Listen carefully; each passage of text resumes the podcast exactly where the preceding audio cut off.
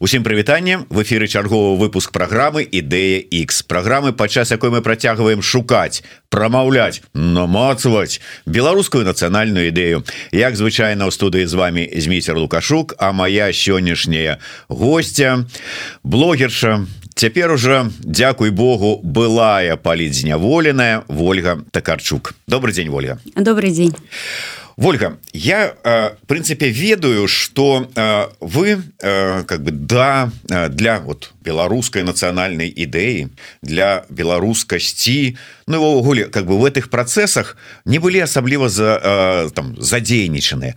Ці можа наадварот мы штосьці про вас не ведаем. І бывало так что Вольга прыходзячы домой пасля працы там даглядзеўшы дзяцей мужа сядала там с кубачкам кавы да прыкладу у фатэль і такая А давай-ка я зараз поразважаю про беларускую нацыянальную ідэю і так гледзячы у там узорное небо было такое калі-нибудь нет к сожалению не было такого. У меня все перевернулось только в двадцатом году сознание ну але перевернулася э, у якім сэнсе? Я э, чаго пытаюся? Ведаеце э, праз маю студыю праз нашу праграму прайшлі абсалютна розныя людзі якія да прыкладу той же самый мікіта мелказёру які расказваў что я еду 19 снежня 2010 года плошча 10 года а я еду ўздоўж яе там на тралейбусе і думаю что это люди там робяць? Вот нафіга ім это ўсё? У двадцатым годзе сам аказаўся задзейнічаны ў працэсах. А ў 22 годзе зразумеў что апроч того что рускамоўнага вядомага блогера ён мусіць стаць перайсці на белату как бы как бы нацыянальная такая нешта свядомасць прачнулася. Я ведаю людзей якія у 2000 2018 годзе прыязджалі на тралейбусе мимо опернага тэатра дзе праходзіла святкаванне 100 стагоддзя БНР і казалі что там эти вот со сваімі бел-чырвона-белымі сцягамі робяць чаго яны бесяцца А зараз чалавек жыве у ЗША размаўляе выключна на беларускай мове і дзяцей сваіх уже ЗША гадуе на, на беларускай мове. Ці там чалавек які даўным-даўно там у 86 годзе дзіцём зусім з'ехаў з Беларусі Беларусі з бацькамі а потым знаходишься далёка ад Беларусі за мяжой вывучыў беларускую мову. Вот ваша сітуацыя гэта что? Вот як вы увогуле там э, глядзелі там скажем на беларускую культуру там на беларускую літаратуру? Наколькі гэта было вам цікава не цікава раней? Ой на самом деле ну вот мое сознание только в двадцатом году поменялось я никогда не задумывалась. Я вообще никогда, к своему стыду, не задумывалась, почему мы, белорусы, разговариваем ну, по-российски, по-российску.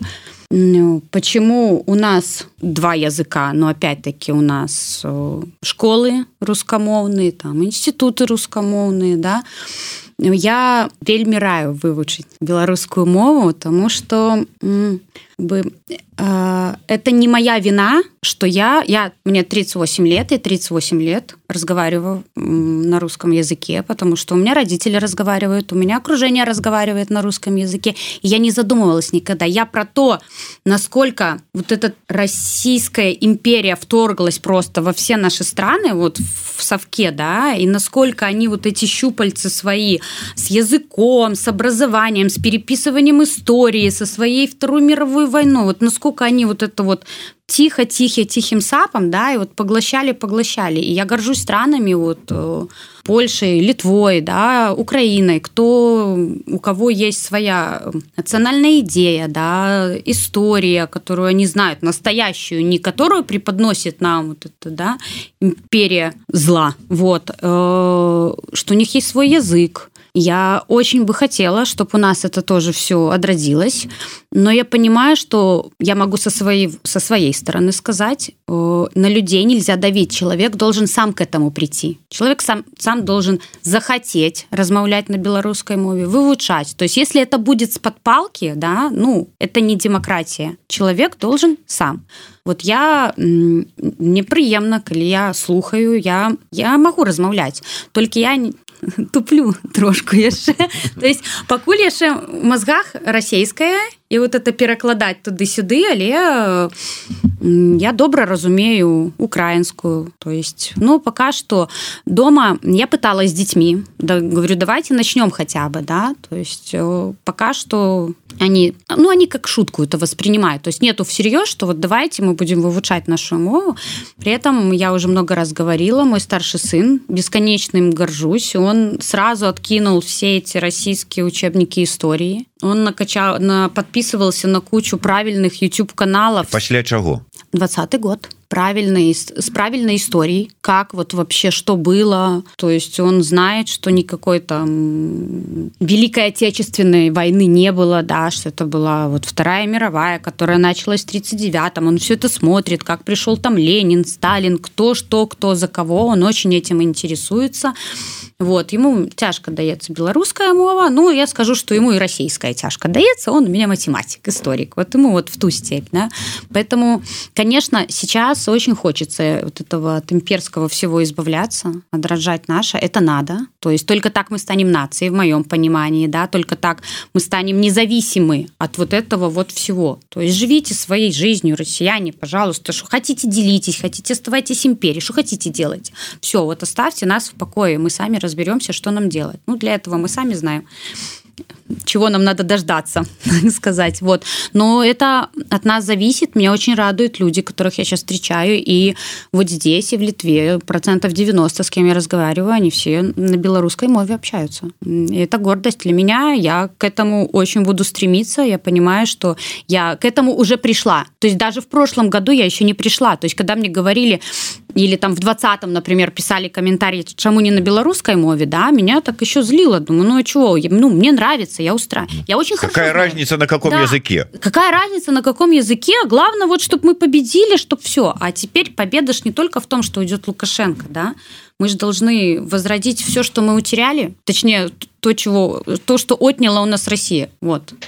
Ольга А может быть вы вот мне патлумачыце А чаму раней ну как бы люди не разумелі того что важности вот ведання сваёй ідэнтычнасці сваёй гісторыі сваёй мовы я вот смешную такую гісторыю вам расскажу мы вясной здаецца мінулага года атрымалася так что разам былі с нашим вядомым музыкантам александром помидоровым у штутгарце я быў з прэзентацыі прэзентацыяй э, сваёй вот трэцяй кнігі э, беларуская нацыянальная ідэя выгнанні на вайне а э, Саша помидоров быў з канцэртам Ну то у нас атрымаўся такі літаратурна-музычная сустрэча с да беларусамі штутгарта Ну і зашла размова про тое что я кажу слухайте вот мне было вельмі прыемна двадцатым годзе дваравыя сустрэчы калі э, немагчыма было э, даклікацца гісторыка на у студыю на запись программы тому что яны постоянно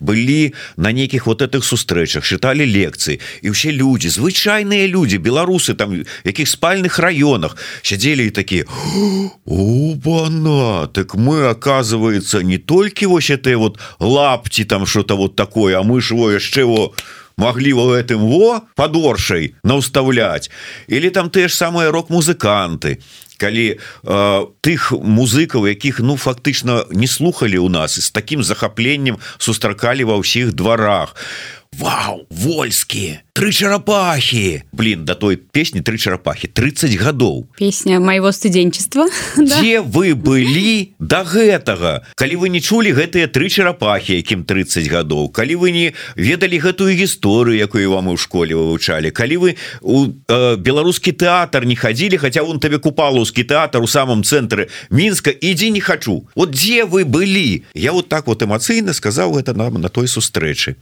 А там прынцыпе как бы люди а, такая там старая дыаспора ну сэнсе хто ўжо давно з'ехаў там там по эканамічных пытаннях і падымаецца одна такая дзяўчына і кажа А можа это не мы вінаватыя а вы і показывай на нас с помидоровым помидорова морда красная становится что значит мы виноваты говорит а вы тихо говорили нам вот про все про это и помидору я тихо говорил так вот вот скажите мне может сапраўды вот это наша вина журналистаў э, музыкаў літаратараў тэатралаў рэжысёраў усіх астатніх тому что яны ну как-то не вельмі гучна может быть сапраўды доносілі рассказывали про беларуска беларускую творчасць ну про все беларускае беларусам ну может быть и не громко но тут я думаю просто это все очень умело очень грамотно вырезалось уничтожалось подменялись понятия подменялась история. Это все было настолько незаметно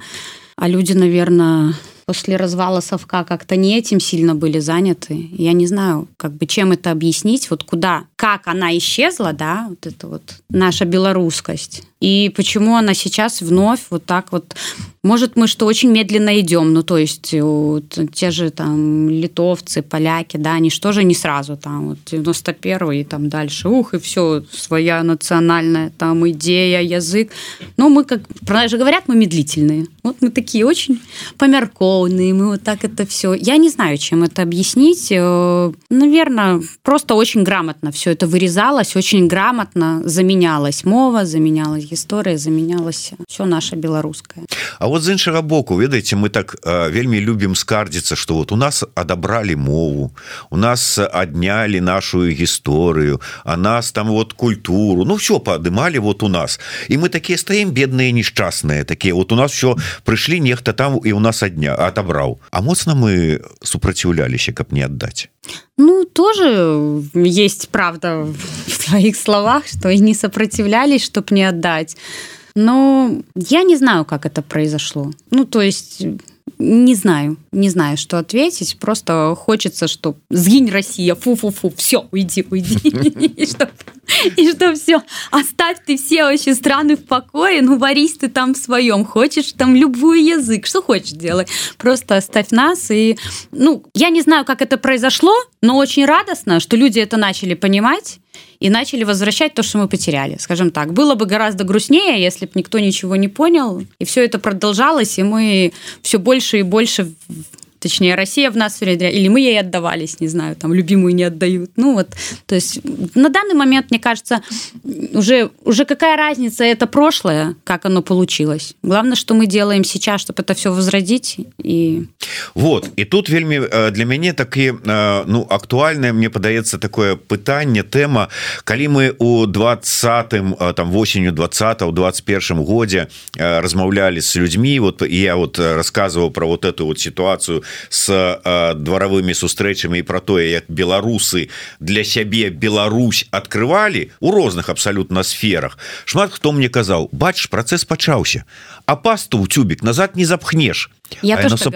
да, да а потым у нас быў 22 23 24 і рэпрэсіі і вот супраць усяго беларускага все больш і больш і больш і ты ўжо пачынаеш сумнявацца а сапраўды няма магчымасці запихнуть назад эту пасту у тюбик нема никто не запихнул пасту в тюбик от того что они тряпки развесили по всей беларуси это не значит что у людей обратно отвернулась э, сознание, что люди захотели опять жить, как жили, ну, просто вынужденно должны молчать. Но люди все равно стали больше интересоваться историей. Я вот на своем примере скажу, да, я вообще слаба по истории. У меня память, я не знаю, как она, я никогда не запоминаю анекдоты. Я могу сто раз вот смотреть или читать вот историю какую-то, да, там, историю БЧБ флага, там, погони.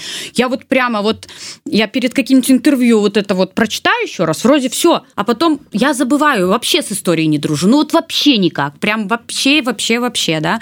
Но тем не менее, все равно я начала хотя бы интересоваться, откуда пошли там бело-красно-белый стяг, да, откуда пошел герб погоня, там как вообще разваливалось, все соединялось, как появился Советский Союз, как потом из него выходили страны, как они шли к демократии. То есть, ну, мое сознание тоже поменялось в 2020 году. Я не знаю, с чем это связано. Я не знаю, ну, как и многих, многих, многих миллионов белорусов. И дальше я ведь тоже сидела вот полтора года, да, под этими тряпками. Не значит, что я их полюбила. Это значит, что я просто сидела, молчала, но я читала. Я читала и смотрела с сыном те же вот его эти передачи, эти блоги. И так большинство белорусов, которые остались там, они все равно стараются размовлять на белорусской. Да, не открыто, потому что ты можешь в любую краму прийти и за белорусскую мову поехал, окрестина. Вот. Или, ну, но тем не менее, никто никого никуда не запихнут и не запихнет уже обратно. То есть от того, что ты людей катуешь, репрессуешь, они же тебя не полюбили. Все равно глаза уже открылись, у большинства открылись. Просто люди запуганы. Ну а как выражать? Там, ну, там никакое уже свое мнение не выразить. То, что сейчас там происходит, вот я как только две недели оттуда уехала,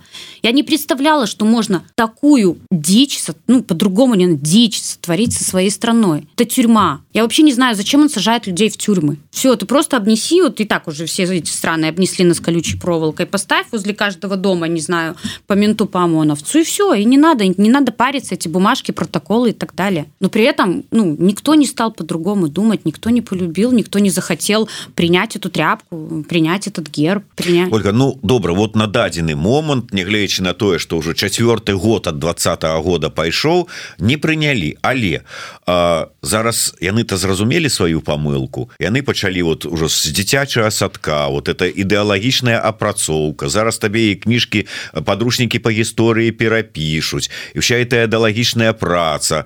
Паступова паступова за 5 за 7 за 10 гадоў новое покаленне і ўжо ўсё і яны забудуць ну во-первых у нового поколения есть родители. Вот это раз. Как э, у нас была с сыном он в пятый класс пошел вот это ужас э, с пионерскими галстуками вступайте в пионеры То есть я своему сыну сказала, что, Матвей, если ты туда идешь, я тебе отказываюсь. Все говорю. Можешь с этой тряпкой сразу в детдом. Вот тебе чемодан, вокзал, билет, едь. И таких родителей много.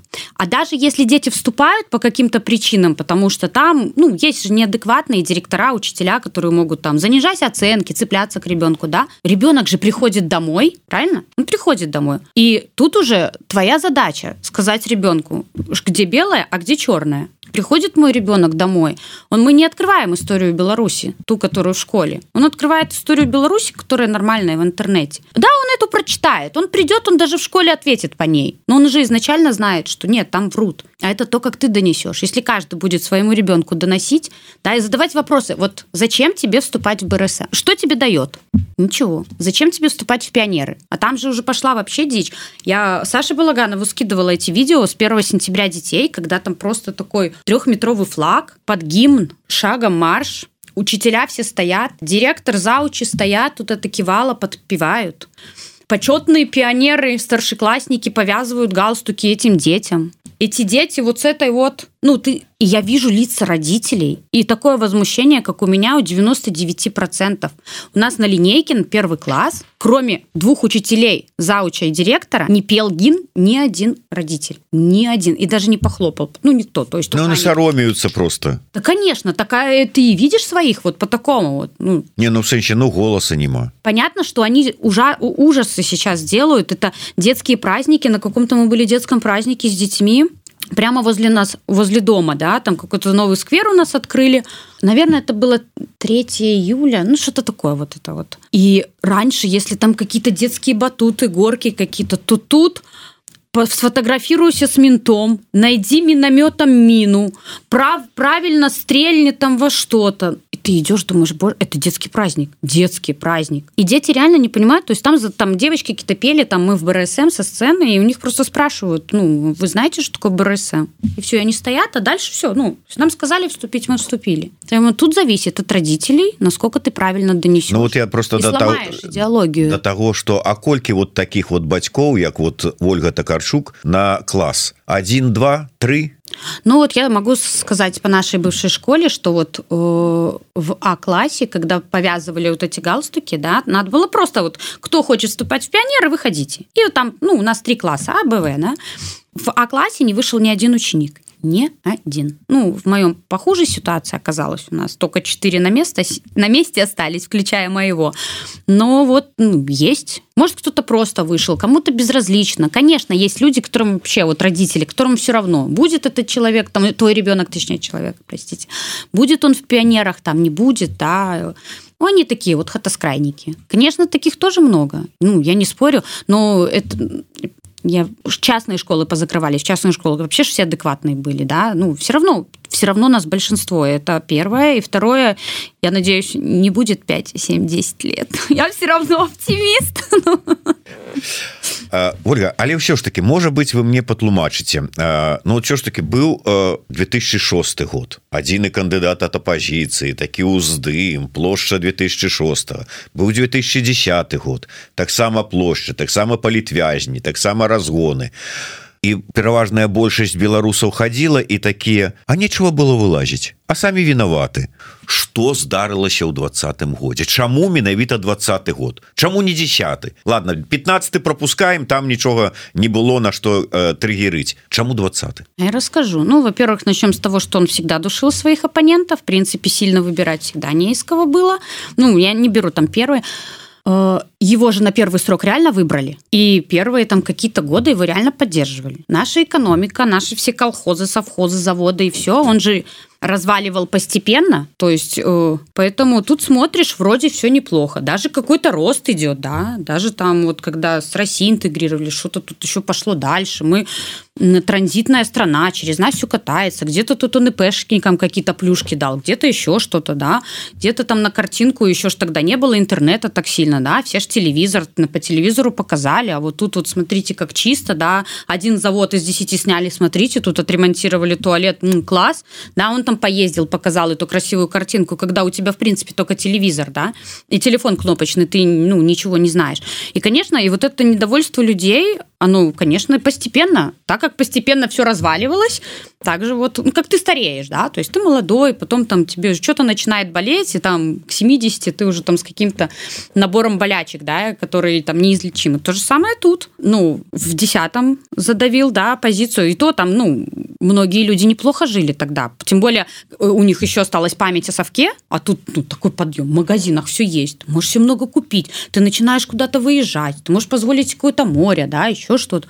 Конечно. А потом все пошло на спад, оппозиция стала душиться уже вообще окончательно бесповоротно, выборы вообще уже люди забыли, что это такое, на них уже никто не ходил ты ездишь по стране, потому что больше ты никуда не можешь уже выехать, у тебя уже нету зарплаты такой, да, и стали душить. Часть, ну, частные все бизнесы вообще там ляснулись, грубо говоря, колхозы развалились, заводы развалились, безработица, работать некому. Ну и вот это просто постепенно. И поэтому и выстрелил 20 год. Потому что ситуация в стране дошла уже до ручки. Потому что людям не на что было жить. Ну, в моей ситуации то же самое. Я пошла, когда на ИП с 19 года, да, я до этого, я уже рассказывала, что я замечательно жила, звонка до звонка, зарплата, ну да, маленькая, но есть же халтурки, подработочки, там, там, ну, в принципе, такое, середнячок можно жить. Ты идешь на ИП, ты начинаешь понимать, а чего я? Там должна что-то кому-то заплатить, там, тут налоги, тут ФСЗН повысили, тут еще что-то. И ты понимаешь, а сколько я должна зарабатывать ИП и пахать, чтобы, ну, оплатить, отдавать все государству. За что? Я плачу, ой, я работаю, я вам за что должна отдавать? И вот это, ну, начинаешь задаваться вопросом, конечно, и поэтому выстрелил 20 год. Все своевременно. Просто он так вот это долго все разваливал, по итогу мы имеем то, что имеем. Э, атрымліваецца что э, ну былі правы тыя люди ну той же самый Сергей чалы які казаў про двадцатый год что это была буржуазная революция. То есть вот от нацыянальна вызвольнага руху там нічога не было. То есть это было вот просто жаданне людзей э, добрага жыцця справядлівасці. То есть люди выйшлі умоўно кажучы за звычайныя дэмакратычныя каштоўнасці сумленныя выборы справядлівы подлік галасоў каб не было гвалту вот этого ментаўскога. Ну вот это звычайныя такія дэмакратычныя каштоўнасці. А про тое что там там нейкія нацыянальныя думкі былі что яны там вот тут все это не ну как бы не было на той момант. Я заўсёды кажу что калі я вот у э, жніўні двадцатого года выходзіў на вуліцы мінска і бачыў вот этот вот праспект увесь бел чырвона-белы у мяне сэрца радавалася. Але я выдатна разумеў что гэты бел чырвона-белы сцяг пераважная большасць гэтых людзей узяла ў руки ніяк нейкую нацыянальную каштоўнасць а як знак протэста Ну не могли яны пасля э, ночы з 9 на 10 калі іх білі под бел э, под э, чырвона-зялёнымі сцягамі потым як на тыя ж самыя мітынгі трох грацый выходить трымаючы в одной руцэ бел чырвона-белы другой чырвона-зялёны. Типа там мы вот за одну страну. Не могли знак протэста і жыве беларусіны крычалі на знак протэста то есть нічога не было у гэтай вот рэвалюцыі такого нацыянальнага? Не было соглашусь но это был мощный толчок к тому чтобы мы начали сейчас возрождать что-то национальное.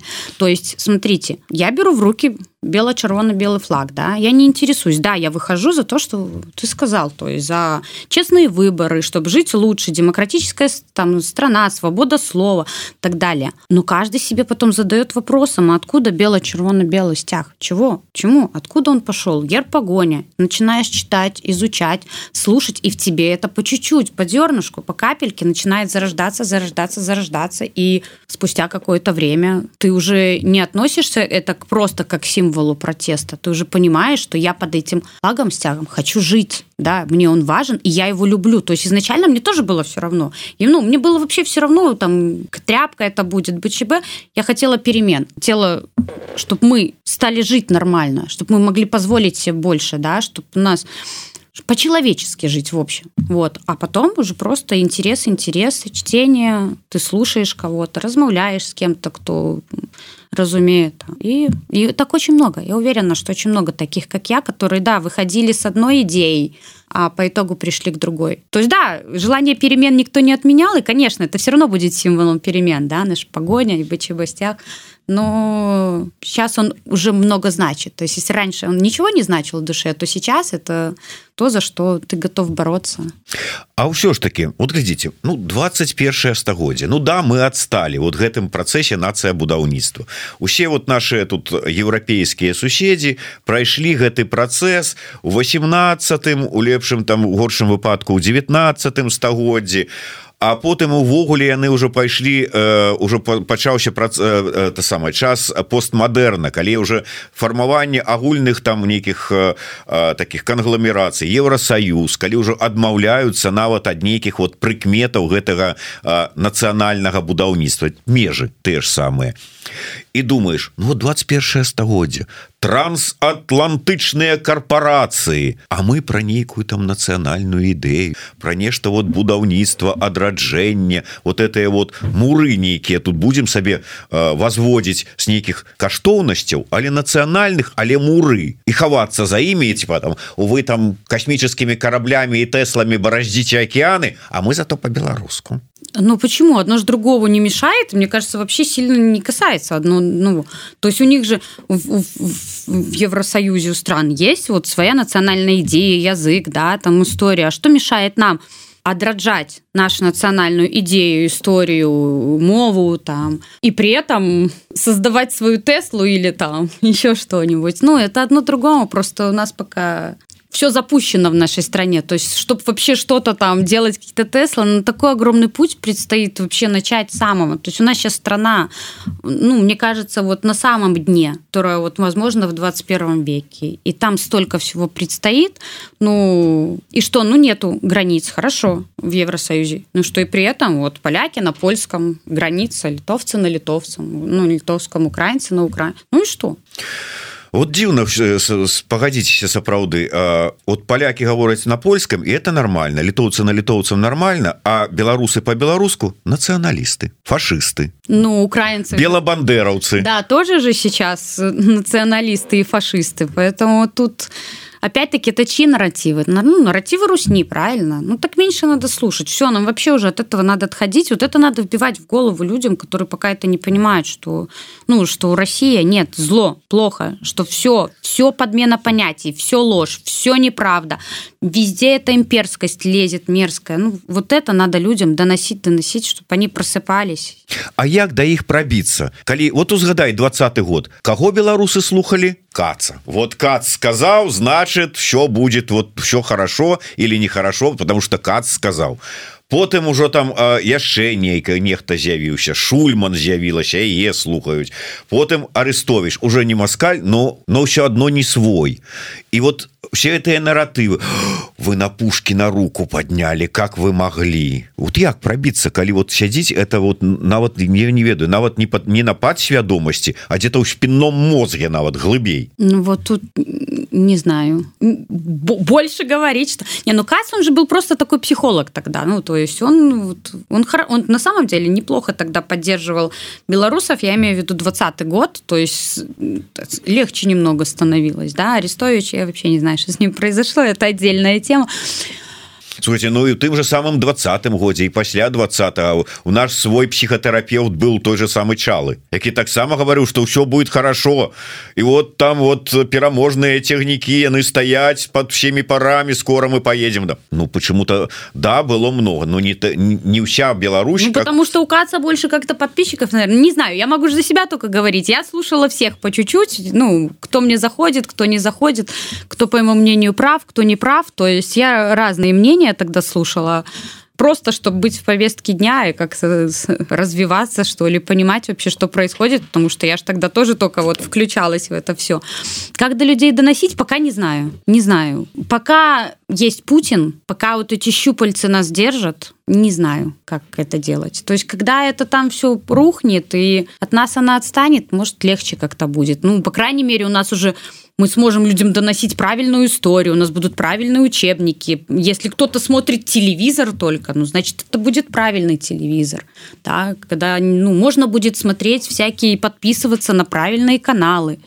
Когда не будет этой пропаганды не будет гриши гриша привет с туром на пару. Вот тогда когда там отключат эту Симонян отключат Соловьева уберут эти российские каналы. Вот так только запретом. Кто-то мне недавно рассказывал что в какой-то стране не вспомню в какой. То есть с началом войны процентов или в самой Украине на территории. Короче процентов 80 вот ну а это наверное приграничное что-то с Россией в Украине. Началась война и телевизор это Симонян крутит там 80 процентов да поддерживала все потом рубанули вот это электричество когда да и там на 2-3 недели пропал свет и они увидели вот без телевизора. Процентов 50 уже стало поддерживать войну. А по итогу сейчас вышли там на 15-20. Вот, пропаганда – это мощная штука.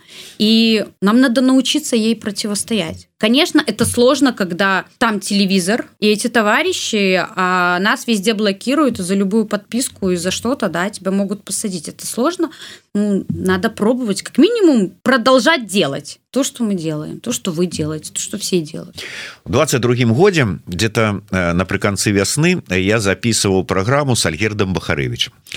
И э, я спытаўся, говорю, Альгерд, ну вот гляди, в принципе, э, белорусская нация, Дарэчы беларусы як нация сфармаваная нет мы только в самом начале. Только-только мы себя друг другу открыли но мы только начинаем формироваться это мое мнение. У нас еще очень большой путь на самом деле чтобы стать вот действительно беларусью. Кулаком нации со своей историей идеей мовой. Покуль не. Во-первых мы сейчас покуль разбросаны вообще по всему свету. Сколько вернется в Беларусь Ну вот про э, раскіданасць э, я кажу Альгерд заўсёды мы былі падзелены але калі раней мы былі падзеленыя па вот гэтай вот нацыянальнай э, прыкмеце хтосьці там за мову за бел-чырвона-белы сцяг вот ну вот эти вот все вот эти змагары як называют. Mm -hmm. і остальные нормальные беларусы.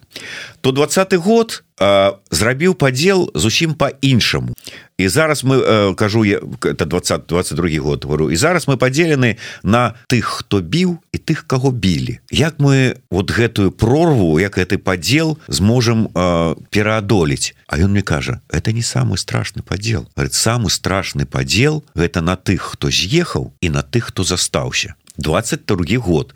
Яшчэ калі вот это вообще спрэчки паміж з'ехаўшымі і застаўшымися не стали мейнстрымам. Это уже потым там я уже пачуў сапраўды вот это вы там з'ехали вы уже не разумеете тут наших праблем і чым мы живем А вы там не цікавіцеся что мы тут для вас сколькі мы тут все робім вот это узаемные крыўды нейкія абвінавачванні.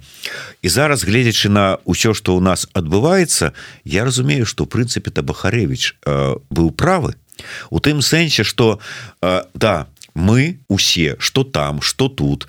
У нас мара одна. Мы за нормальную Беларусь мы за адзіную Беларусь без лукашэнкі без лукашызма без всего гэтага. Мы вот за тое каб быць разам але это наши дэмакратычныя такія там нацыянальныя там любыя каштоўнасці мары якія у нас ва ўсіх прыблізна аднолькавыя і але хочаш не хочаш мы вот зараз поделенные гэтай и реальной мяжой якую мы не можем переодолить не можем собраться сесці на экалайнцы поехать у мінск на выходные і вот так вот рухаючыся у часе і прасторы уздоўж гэтай вось мяжы мы хочаш не хочаш а мяняемся тыя хто жыве там яны мяняются паступова под ціскам рэпрэсій под ціскам страха под ціскам немагчымасці свабодна гаварыць тое што яны думаюць і гэтак далей.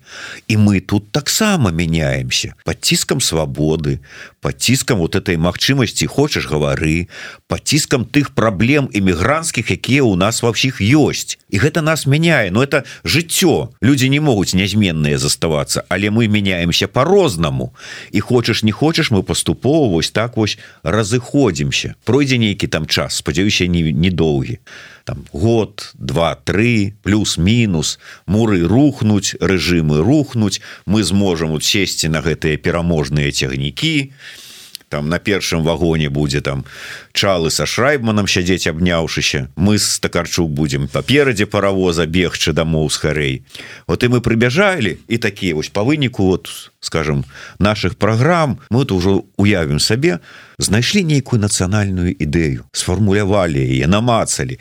І мы такія прыбягаем такі вот мы вам знайшлі нацыянальную ідэю для ўсіх для нас! А нам там скажуць это вы там для сябе за мяжой. А у нас тут все как-то вот по-другому і мы вот без этой без вашай ідэі а можа і без вас. Будзе не Ну, мы сейчас занимаемся это гаданием каким-то. Мы ж не знаем, как это будет. Да, мы действительно меняемся, но я думаю, что там настолько все будет становиться хуже, что, ну, когда мы придем, а мы тут, а мы тут нормально без вас, да никто нам так не скажет. Во-первых, сколько людей убежало, да, и сколько еще бегут. Вот недавно в телеграм-канал опубликовал какой-то, что сейчас в Беларуси где-то в районе 7,5 миллионов жителей осталось, да, из 9. Из них 4 – это пенсионеры и дети. Три с половиной населения рабочего, думающего, вот такого, да. Ну, потому что пенсионеры, понятно, у них у большинства они нигде никогда не были, моря не видели, у них свой дом, своя кура, и им все нормально. Все у них, да, там дошел до ближайшего магазина, пришел, там картохи жареной поел, все понятно. Вот. К 25 году вообще непонятно, сколько еще выйдет, правильно? И почему нет строить тут эту национальную идею, которую мы можем потом принести туда? В принципе, там уже никого не будет, кроме кроме ебатик и, и ментов. ментов, которых надо будет судить за все их преступления. Ну, а нормальные, а нормальные люди, если им доносить эту национальную идею, говорить о ней, понимать, что мы тут думаем, что мы придумываем, там, как мы хотим менять, там, образование, медицину, еще что-то, и они и подготавливать их к этому, и они там вот это вот впитывают, слушают, слушают, и для них не будет шоком, когда мы приедем. Ну, плюс, если там вот останутся, ну, люди нашего возраста, ну, они, они ж явно хоть раз где-то были и понимают, как живут люди. То, что мы не можем оттуда выехать, это не значит, что мы не понимаем и не смотрим, как люди могут жить и как люди живут. Как люди могут без границ кататься, как люди могут взять там те же пенсионеры на выходные, на уикенд, сгонять в Париж, посидеть чашечку кофе попить или еще что-то. А что наши пенсионеры? Вот, и поэтому тут мы не знаем, как оно будет. Мы не знаем, через сколько оно будет. Это, ну, опять, это гадание. Нам надо просто работать, это все подготавливать, чтобы опять, э, ну, там же тоже вот правильные вопросы там задают. Э, предложите то есть вы хотите перемен, вы хотите того-то. Мы вот тут конкретный план действий, да? Или сколько уже обмусоливалась тема? Почему военные или силовики должны пойти за нас в какой-то момент? Вот же тоже всех всегда обсуждают. А вдруг что? А мы вот войдем, а там все к нам повернутся. Там к избушке лесом ко мне перед, а мы там пошло, да? А что мы им можем предложить, чтобы они повернули? То же самое людям, если им предлагать и раскладывать, чтобы они понимали, с чем мы едем. Не просто а вот у нас вот все будет класс. Вот мы сейчас придем, там, все, на танке въедем, или я там, не знаю, с цветами зайдем, когда уже все, победа шампанское, все будет классно. Но один день эйфория, а дальше. То есть нам уже надо с готовым планом. Чтобы... И, и план, который не только знает там, да, там, не знаю, КС, офисы там приближенные, а чтобы это знали люди. И тут люди, которые находятся, понимая, с чем они туда будут возвращаться. А стоит ли мне возвращаться? Ну, я, я не знаю их планы, я не знаю действия, я не знаю, как дальше будет развиваться страна, правильно? Я подумаю, возвращаться мне или мне тут уже насижено, мои дети уже там несколько лет отучились, уже в принципе ничего, да, уже там как бы привыкла вроде бы. Мне надо понимать, с чем и куда я буду возвращаться. А для этого нам надо все вместе думать, собираться, чтобы мы все знали и доносить это людям там. И тогда может вполне, что нас примут с нашими идеями. Там ничего уже не останется, за что нужно будет держаться. Там уже ничего нету, за что можно держаться. Нету ничего, все. Ну чаму кажуць же да нормально там усё можна ж до всего прызвычаецца Ну можно да до всего можно. Ну, если нравится идти вниз ну это их выбор. Я всегда говорю что ну вот можно не хватает денег да можно перейти на хлеб и воду ну в принципе ничего. А можно пойти найти вторую работу правильно? То же самое тут. Ну если им нравится сидеть в шорах сидеть в нищете сидеть в разрухе там без экономики под санкциями ну, ну сидите. А мы не будем тут сидеть. А мы будем делать так, чтобы нам было с чем потом прийти. И было чем крыть, как говорится. Ольга, вы сказали, э, я лечу, что нам потребно отраджать свою культуру, свою мову. Я хочу э, так само выучить э, мову. Сподеюсь, что это вы мне не сказали, как мне вот это сподобалось, а сапраўды вот так вот и думаете. Але а переважная большасць людей, якія ну вот ніколі не мелі сентимента скажем так до нейкіх вот нацыянальных чыннікаў у двадцатым годзе там скажем это им это спадабалася ну спадабалася да вот хорошо все ж таки мова свая там что-то там свое нават філасофія оказывается ёсць свая беларуская але потым был былі іншыя гады потым была эміграцыя потым было жыццё вы у этой эміграцыі і спробы знайсці сябе тут. Навошта вот такому чалавеку які прынцыпе ніколі асабліва не заганяўся нацыянальнымі пытаннямі тут за мяжой в эміграцыі вучыць беларускую мову цікавіцца беларускай культурай. Я ведаю шмат тут людзей якія паспелі. Там вот у іх былі праблемы чамусьці вот з тым каб вывучыць беларускую мову. Тут яны вывучылі польскую без праблем. І все і как бы А что ты мне там тая беларуская яна ім там не была патрэбна тут не была патрэбная навошта нам это тут все нет ну это ж выбор каждого. Хочет он размаўляць по-беларуску вучыць ці не хочет Э, тут опять про что я говорила, не надо ничего делать с подпалки, человек сам должен к этому прийти. Но если в твоем окружении все размаўлять будут по-беларуску, да, ну ты все ровно пачнешь тоже размаўлять по-беларуску, потому что ты на слуху, на слуху, на слуху, ну, выучил польскую, может быть, что проще понимать или еще что-то, ну, Потому что белорус тебя и по-русски всегда поймет, а поляк не всегда поймет ни по-белоруску, ни по-русски. Ну, иногда это, наверное, вот просто вынужденное какое-то. Тут мне кажется, что когда, ну, не все мы, конечно, часть уже не вернется, к сожалению, коли мы вернемся, и пойдет вот это это будет как вот как гриппом заразить. Вот заражаешь как ты сказал в самом начале просто это заразное. Ну потому что если вокруг это тебя... вот бчбшная зараза вот да, это вот. ну, это, это вельмі добрая зараза. Пагэтуль ну будуць размаўляць. Ну кожны должен прыйсці до гэтага самастойна. Ну калі з-пад палки ты пачнешь размаўляць але каб не здарылася что ненавидишь потом это все внутри себя? Такой приходишь домой и по-русски а выходишь там и по-беларуску уже да доброй раницы ну это все изнутри мы к этому придем я уверена мы к этому придем просто мы хотим все и сразу а так не бывает. Нас слишком долго искореняли это все очень очень очень много десятков лет понимаешь? И сейчас это возродить вот вот на часе вот 20 год а в 24 ну все давайте. Все культуру отраджать адраджаем мову адраджаем не это что же все памяркоўна поступова самое самое смешное что і, і сёння при вот гэтым законодаўстве беларускім якое ёсць калі б яго выконывалі то былі б усе магчымасці для того каб мова развівалася і каб было как бы жаданне не той же патрэба ведаць беларускую мову. Тому что ёсць закон об мовах ёсць закон об дзяржаўных служачых і паводле закона аб дзяржаўных служачых чыноўнік мусіць валодаць двум абодвумі дзяржаўнымі мовамі. Калі б гэта працавала то любая мамка сказала так дачушачка ты ж хочаш быць секретаршай у райисполкоме? Ідзі давай вучы быстренько. А раз немань патрэбы а чалавек ж ну наш істота лянівая навошта ему там напруживаться вучыць калі і без гэтага добра можна ну у нас у нас вообще многие законы просто на бумажке написаны. У нас страна которая не до законов но опять-таки это же для галочки сделано. А я говорю а у нас искоренили это все просто искоренили. Вот мое поколение да? Это доброе количество там родители еще как-то размаўляли там детям як неяк мои рускамоўныя тому что тут ну але ўсё ж таки э, калі вот у нашай новой беларусі нашай беларусі мары э, дзяржаўных моў э, павінна быць там колькі якая там твоё бачанне? Маё бачанне дзяржаўная толькі одна наша беларуская мова. Ты штука что говорила что без прымусаў все павінна без прымусаў ну размаўляйте по-расейску пожалуйста размаўляйте калі хотите ну ну как я вижу может это не сразу да ну, когда люди уже созреют к этому всему, ну, по итогу, по итогу, я уже беру конечный вариант. Мова должна быть э, одна, все, белорусская. Да, пускай у школах будет там русскомовные классы, там ангельские классы, кому там польские, литовские, ну, да, як дополнительный язык. Додатковый. Додатковый язык. А додатковая мова. Але наша мова, я вот, несмотря на то, что на русском разговариваю, просто по привычке мне легче доносить пока свою мысль, да, я не туплю, не перевожу в голове, да.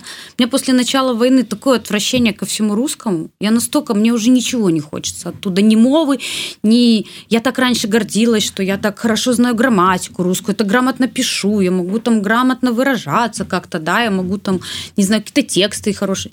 И сейчас вот настолько вот, вот прямо все, и мне хочется, какая же у нас двойная, не, вообще, вот чтобы вообще русского ничего не было. Вот настолько вот пока отвращение. Я понимаю, что это кучка вот этих имперцев, да, но тем не менее, вот пока так. Наверное, настолько это вот боль за Украину і за нас невозможно. Вы ведаеш, мне э, украінцы казалі, што э, пры ўсім сваім жаху вось гэта вайна, вось гэта акупацыя яна з украінцаў зрабіла нацыю. Э, можа быть, нам гэтага не хапае беларусам. Вайны? Ну вот ведаеш, шмат жа што кажа, што а беларусы незалежнасць сваю атрымалі задарма, а вот яны как бы не ведаюць ні каштоўнасці незалежнасці незалежнасці не каштоўнасці мовы не каштоўнасці гісторыі. Вот іншыя народы за это змагаліся кроў пролівалі яны гэта ведаюць яны гэта атрымаюцца. А беларусы как бы вот все на шару дык яно как бы ну сёння ёсць за незалежнасць завтра няма. Потым можа быть ізноўку на шару зваліцца праз колькі гадоў. Нет ну давайте начнем что нация нации рознь да и темпераменты все равно разные у всех мировоззрения разные у всех. Ну а что у нас сейчас не война у нас сейчас, да, у нас не бомбят города, да, на, на нас пока еще не падают ракеты, да, у нас не ходят там танками, не убивают, да, там людей. Ну, у нас война, у нас такая же война идет. Просто она такая тихая, у нас также убивают людей, просто тихо убивают. Мы также боремся со злом, мы также хотим изгнать нечисть с нашей страны, причем нечисть та же, русня. Ну, нечисть не поменялась. В одной стране просто тут это открыто, прям война, которая называется войной, а у нас тихая война. Это тоже война. Ну, мы придем к тому, что мы нация. Придем обязательно, я уверена. И станем мы этой нацией, станем мы прям белорусами. Просто, ну, мое мнение, я уже говорила, не все сразу, невозможно все сразу. Ну, не хочется говорить, Москва не сразу строилась, но суть вот та, что все по чуть-чуть, по чуть-чуть, постепенно. Мы должны сейчас по кирпичику собирать, собирать, собирать, собирать. И вот с фундамента возводить уже новый наш большой дом под названием Беларусь. Да, і перайначваючы і ў прымяненні да беларускай сітуацыі а карфаген не адразу разбураўся да? да.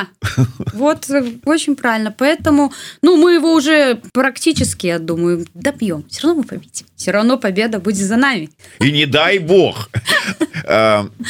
У новой Беларусі палітычны рэжым які что гэта прэзідэнцкая краіна парламенская анархія монархія княства вялікая я все-таки вижу наверное президентско-парламентскую вот так -то. хотя не знаю сложное пытание я опять-таки я не политик я так прямо ну я только слож... вучуся да после того, что мы пережили, сложно отдавать власть опять одному человеку. Хочется, чтобы он все-таки был подконтрольный, потому что пока еще к сожалению, непонятно, как произойдет и как будет меняться режим. Может, это будет в одночасье. Там Сталин сдох и эти. Вот. А, ну, мы не знаем. Мы живем в интересное историческое время. Нам остается наблюдать и, и бороться. бороться. Ой цікавы час да не даем нам Бог детям пережить А то да як там казалі что мы конечно хотели жить у цікавыя часы пераменаў але что гэта будзе і развал союза і война і рэпрэсій і эміграцыя і все что хочешь і все на цягам аднаго нашага жыцця то как-то вот занадта нацыянальная ідэя от ольгі такарчук гучыць як? Не хай вот не для того что вот я вот тут вот вот беларусы я вам принесла.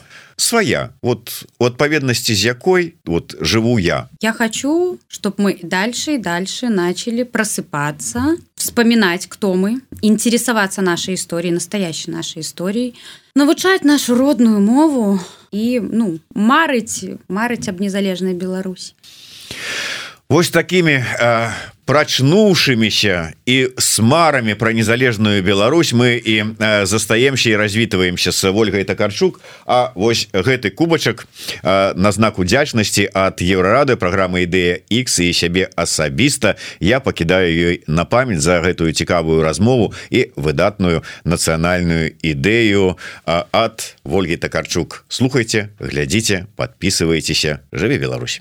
Жыве вечна